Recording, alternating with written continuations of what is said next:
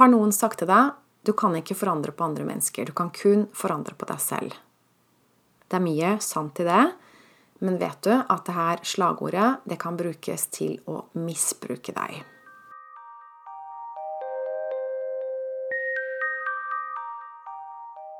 Hei og velkommen til en ny podkast. Jeg heter Line Strandvik. Jeg jobber som personlig veileder, hvor jeg hjelper deg tilbake til sannhet, hvor livet er ekte og meningsfullt. Podkasten i dag heter Er det min skyld at jeg blir dårlig behandla? Og la meg vise deg med et eksempel hva jeg mener. En av mine tidligere kunder, Anne, hun kom til meg fordi hun vurderte om hun skulle skille seg, og ville bare vite om hun hadde prøvd alt.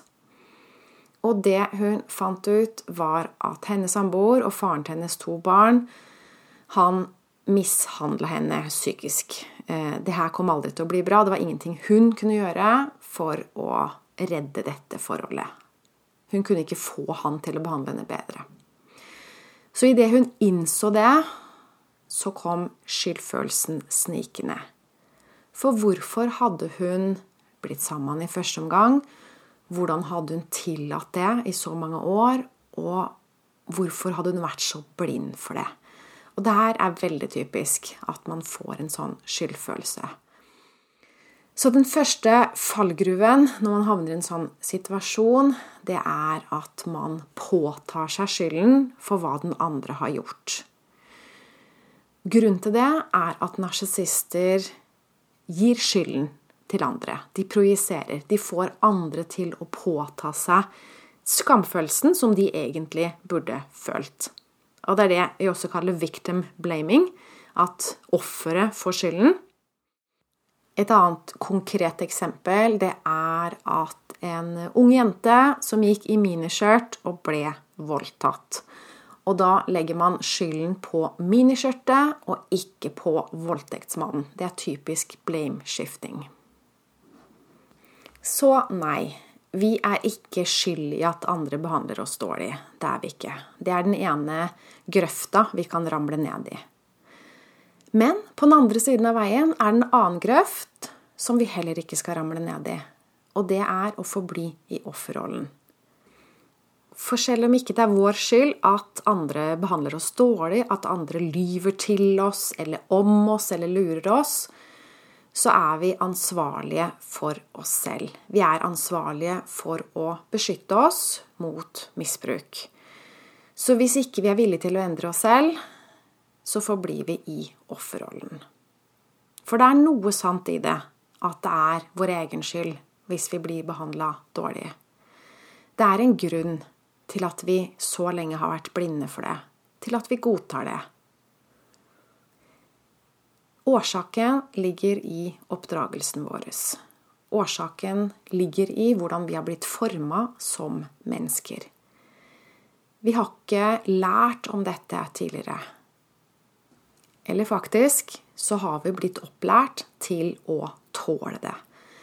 Vi skal bite smerten i oss, vi skal tåle det, vi skal svelge kameler, vi skal være sterke og tøffe.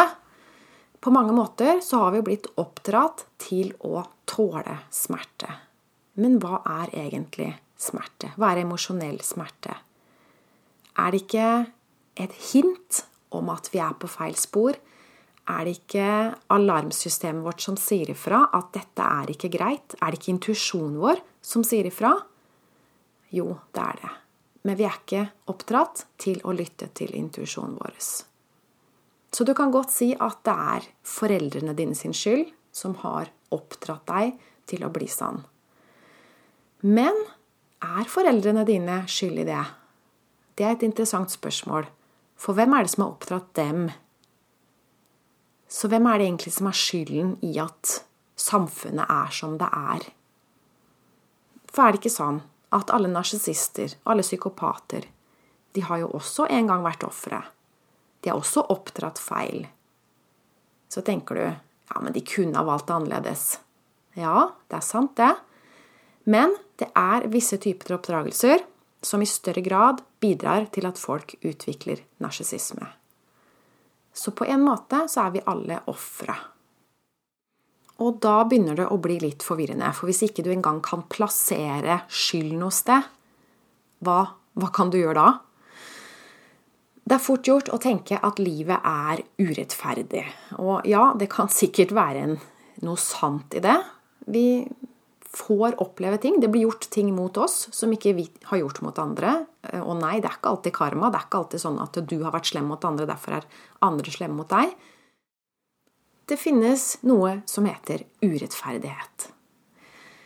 Men hvis vi blir sittende fast i den tanken og tenker at livet er urettferdig, eller at det er urettferdig at jeg blir gift med en narsissist, for jeg har jo aldri vært så slem mot noen, så hvorfor opplever jeg det? Livet er urettferdig. Det er hva jeg kaller en rød tanke. Det er en tanke som ikke gir oss noe energi. Den tanken plasserer oss i offerrollen, hvor vi føler oss maktesløse. Det vi bør gjøre da, er å finne en grønn tanke. En oppløftende tanke som gir oss energi, og som er sann.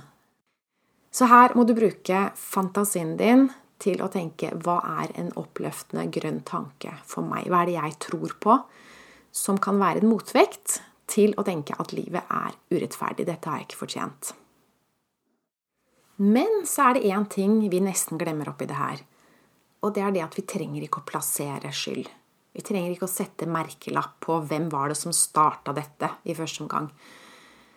Grunnen til at vi ofte vil legge skylda et sted, er for at vi også vil legge ansvaret for å fikse problemet et sted. Men noen ganger så er det sånn at det er noen andre som er skylden i det, og så må vi fikse opp i det.